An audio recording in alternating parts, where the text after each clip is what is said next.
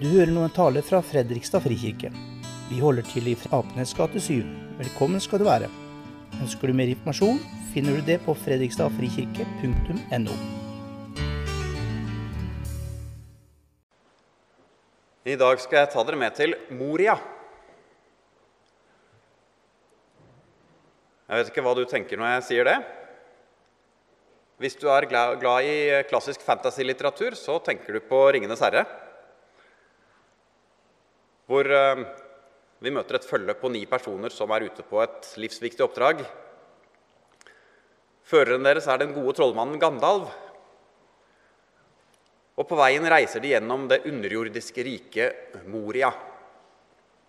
Og det var en gang dvergenes største kongedømme, men nå er det blitt overtatt av onde makter og er et mørkt og farlig sted. Og I Moria møter de noe som heter en balrog, som er et fryktelig flammemonster fra urtiden. Og Trollmannen Gandalf sender de andre i følge foran seg, mens han blir igjen for å kjempe mot balroggen. Og Han klarer å styrte den ned i avgrunnen, men balroggen river ham med seg. Så de andre må fortsette uten ham. Han ofret seg for å redde de andre i følge. Hvis du ikke er så inne i fantasy-litteratur, så går tankene dine kanskje heller til flyktningleiren som heter Moria på Lesbos. Ifølge Leger uten grenser den verste flyktningleiren i verden. Og Wikipedia forteller at den var bygget for å huse 3000 mennesker. Men sommeren 2020 bodde det rundt 20 000 mennesker der. Hvorav en 6000-7000 barn under 18 år. I september 2020 brant den ned. Flyktningene ble hjemløse enda en gang. Mange av dem måtte bo på gaten. Noen av dem begynte å demonstrere mot myndighetene og krevde å bli evakuert. Politiet svarte med tåregass. Og Det er blitt bygget nye leirer på Lesbos, men hvordan det gikk med dem som bodde der da Moria brant for to og et halvt år siden, det klarte jeg ikke å finne så mye informasjon om. Så det, det ser ut som de har bare forsvunnet litt sånn ut av verdens oppmerksomhet. Hvor de er, det vet ikke jeg. Men vi kan jo tenke oss hvordan det er å være barn i en sånn situasjon. Miste alt og bli plassert i verdens verste flyktningleir, og, og så miste det også. Det er oppskriften på ulykkelige og tragiske skjebner. Men det er et tredje Moria som er utgangspunktet for talen i dag. Det leser vi om i Første Mosebok, kapittel 22.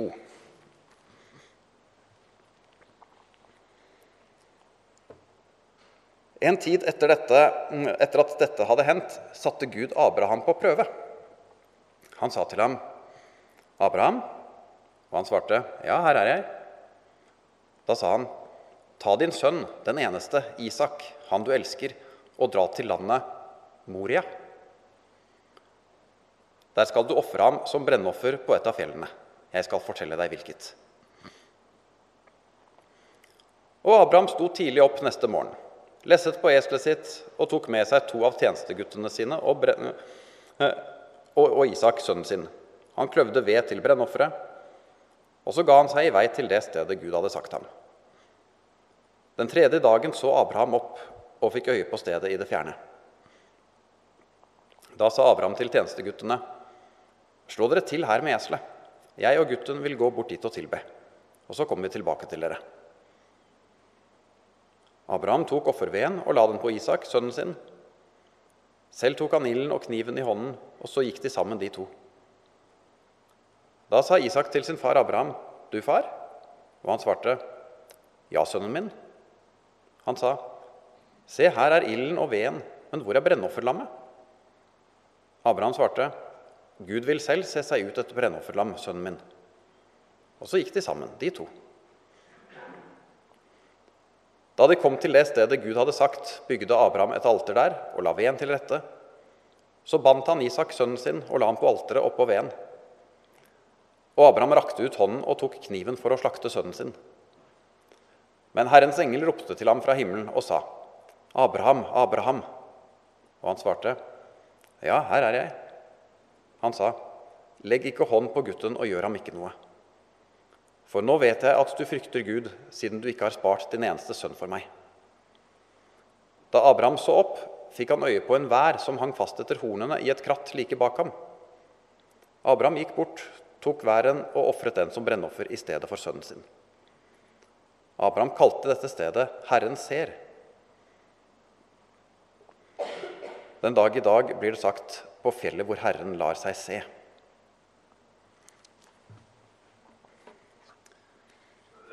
Dette er en vanskelig tekst.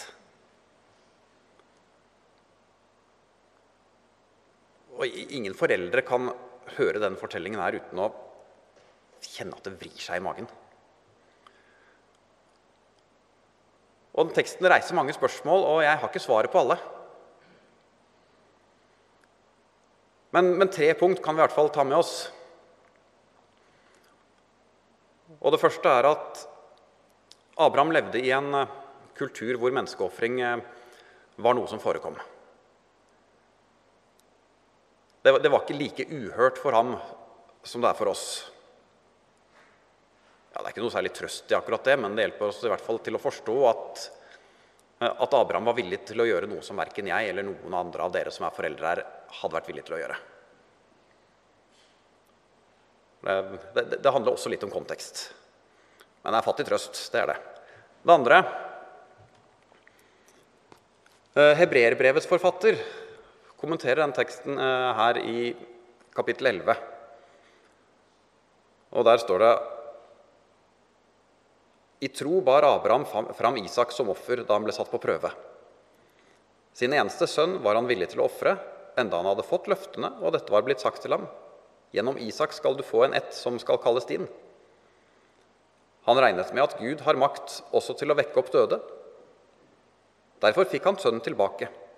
I dette ligger et forbilde.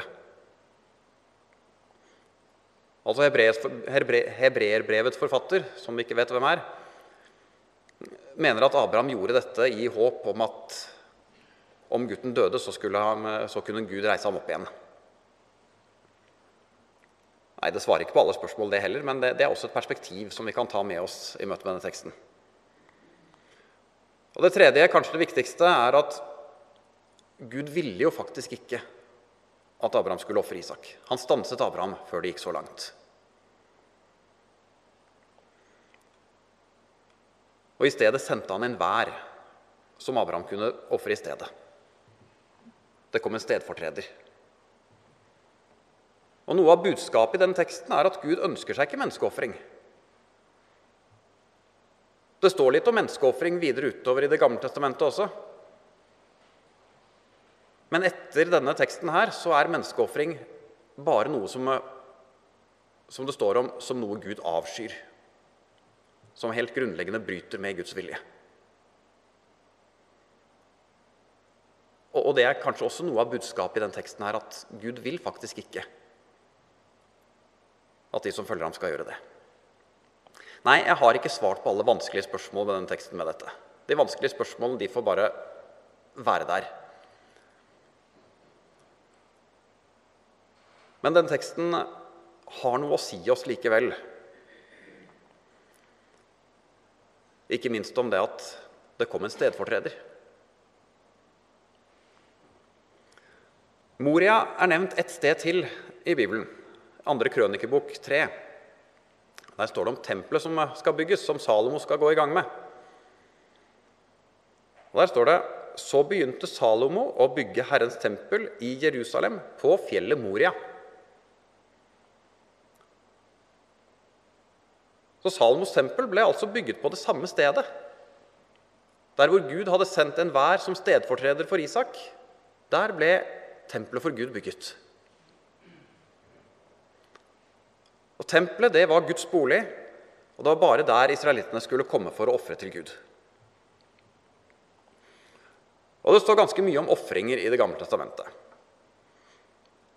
Det står f.eks. om det som kalles for den store soningsdagen, det leser vi om i 3. Mosebok 16. Den store soningsdagen, da skulle øverstepresten bære fram blodet av en bukk inn i det aller helligste. Og det skulle være soning for folkets synder det siste året. Et slags årlig generaloppgjør for all synd som var gjort siden forrige store soningsdag. Og da ble bukken en, slags stedfortreder for folket. Ved bukkens død så kunne folket gå fri. Og det skulle altså skje på det samme stedet som der Isak gikk fri, fordi Gud sendte enhver som stedfortreder. Det skulle øverstepresten gjøre. Og øverstepresten dukker jo opp i de to andre tekstene som vi hørte i dag, som Trond Øvind leste.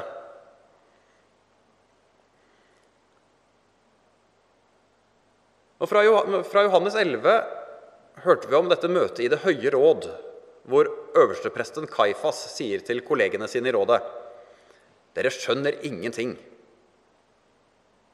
Dere tenker ikke på at det er bedre for dere at ett menneske dør for folket, enn at hele folket går til grunne. Og Poenget hans var at det var bedre å rydde Jesus av veien enn at bevegelsen rundt han skulle bli så stor at den førte til et opprør som gjorde at romerne kom og slo ned opprøret med, med makt og med store tap av liv. Det, det var det Kaifas ville si da han sa det på den måten. Men uten at han visste det, så satte han også ord på et nytt kapittel i fortellingen om stedfortrederen.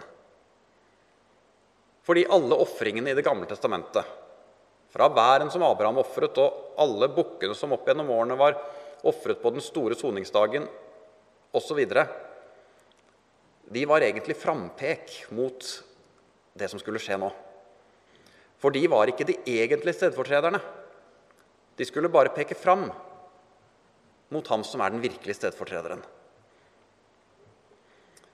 Og Nå var han kommet, og det passer jo egentlig veldig godt at det er akkurat øverstepresten som nå planlegger dette offeret.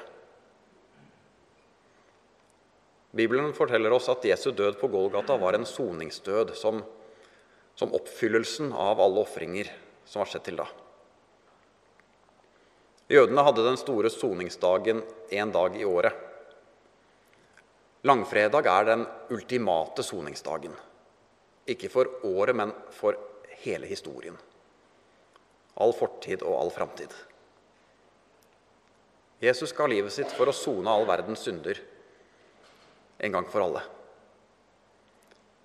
Og Hebreerbrevets forfatter forteller oss i den andre teksten vi hørte, at det er Jesus som er vår øverste prest. Men han bar altså ikke fram en bukk eller en vær som offer, han bar fram seg selv. Og slik ble han vår frelser. Og disse to andre Moria, som jeg nevnte i starten av talen, de utfyller på hver sin måte denne fortellingen om, eh, om Jesus som vår frelser, illustrerer den.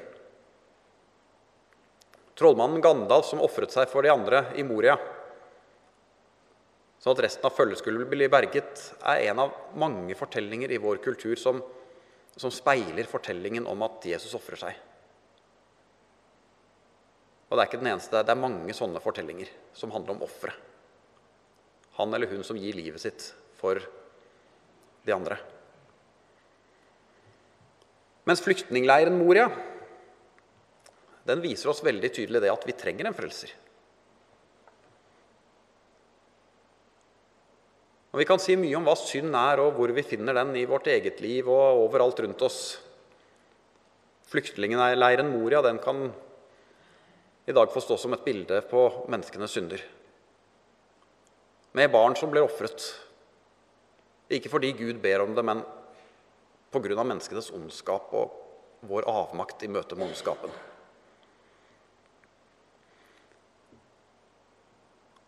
Og Vi kan se oss rundt og se hva vi har gjort med denne verden som Gud har gitt oss. Hvor mye lidelse den er full av. Soldater som dør på slagmarken i Ukraina og mange andre steder. Flyktninger som drukner på veien over Middelhavet osv.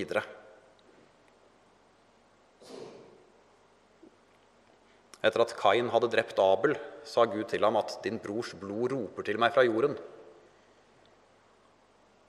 Og de uskyldige dødes blod roper fortsatt til Gud fra jorden. Og sammen har vi et ansvar for det verden er blitt til.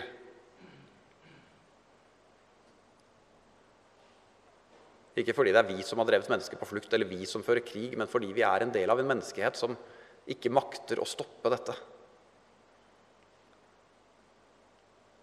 Og vi kjenner også på avmakten i møte med verdens lidelse, fordi vi klarer ikke å skape forandring.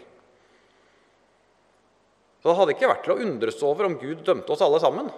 Avsluttet hele prosjektet som het menneskeheten, og kastet i søpla og sa at dette med fri vilje og det, det funket ikke. Nå, nå dropper vi det, og så finner vi på noe annet. For vi er fortapt. Vi er håpløst borte fra Gud. Uten mulighet til å gjenopprette det som er ødelagt. Fortapelse er også noe vi kan si mye om. Jeg skal ikke si så mye i dag. Men en måte å forstå fortapelsen på er at det er ikke Gud som har laget fortapelsen fordi han syns fortapelse er så fint. Det er vi som har laget fortapelsen. Den oppstår når vi vender oss bort fra Gud og bort fra den måten han vil vi skal leve på. Da lager vi vår egen fortapelse.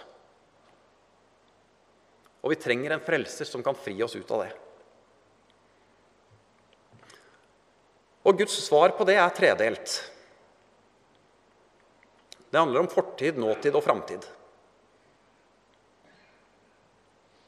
For det første sendte Gud sin sønn Jesus til verden for å sone vår skyld. Tilgivelse og frelse og evig liv er tilgjengelig for oss. Det er veien vår ut av fortapelsen.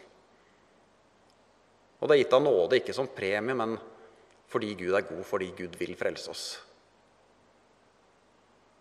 Det er det Gud har gjort for oss i fortiden. Og For det andre handler frelse om nåtiden. Det handler om det Gud gjør i vår tid. Hva er det Gud gjør i vår tid? Han sender troende mennesker ut i verden for å spre budskapet om frelsen, for å spre fortellingen om hva Jesus gjorde, og også for å spre en annen måte å leve på. Ikke på den måten at vi noen gang kommer til å makte å, gjøre slutt på all ondskapen i verden, men på den måten at vi er Guds sendebud som skal vise at det finnes noe annet. Vi er frelst, ikke bare fra vår synd og vår skyld, men også fra en ødeleggende måte å leve på. Frelst til et liv i tjeneste for hverandre. I denne verden som er full av lidelse, skal vi representere tro og håp og kjærlighet. Og du kan kanskje Johannes 3, 16. For så høyt har Gud elsket verden, at han ga sin sønn den enbårne, for at hver den som tror på ham, ikke skal gå fortapt, men ha evig liv. Først, nei, Johannes 3, 16, klassiker bibelvers. Vi finner et annet bra bibelvers som ikke er fullt så kjent, i 1. Johannes, 1. Johannes brev 3, 16. Der står det Hva kjærlighet er, har vi lært av at Jesus ga sitt liv for oss. Så skylder også vi å gi vårt liv for våre søsken. Og Det er vår respons på frelsen som vi har tatt imot. Det er ikke noe Gud krever av oss for at vi skal fortjene å bli frelst, men noe han inviterer oss inn i fordi vi er frelst. Og for det tredje framtiden. En dag skal Jesus komme tilbake og gjøre en endelig slutt på ondskapen. Vet ikke når, men vi vet at det er nærmere i dag enn det var i går. Og vi vet at Gud holder løftene sine. Så når alt virker håpløst rundt oss, så skal vi også få se fram mot den dagen. Og husk at håpet vårt det kommer ikke fra denne verden. Det har aldri vært Guds plan at vi skal se rundt oss i denne verden og finne håp i det vi ser her. Håpet vårt det kommer fra Guds løfter. Jo da, vi kan finne håp i verden også. Men det er håp som er skjøre, som vi aldri kan vite sikkert holder det. Men det håpet som kommer fra Guds løfter, det er håp som vi vet at det holder. Det kan vi stole på.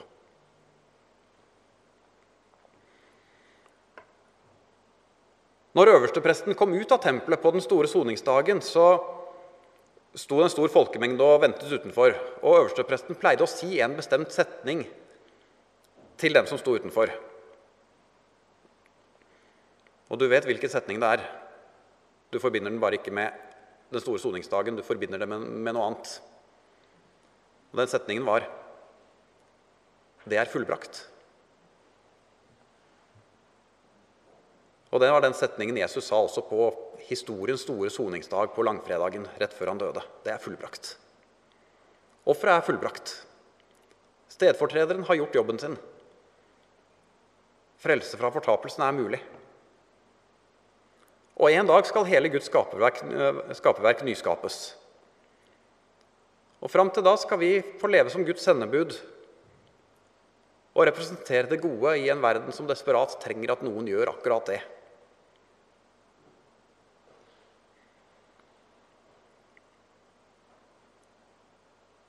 Så gled deg over det Jesus har gjort for deg. Og gled deg over det Jesus kommer til å gjøre for deg. Og ta det med deg ut i hverdagen, så at Guds frelse kan spres til enda flere. Jesus, takk for at du er vår stedfortreder. Takk for at du har sonet vår skyld. Takk for at du viser oss veien ut av fortapelsen. Og hjelp oss til å leve så enda flere kan møte deg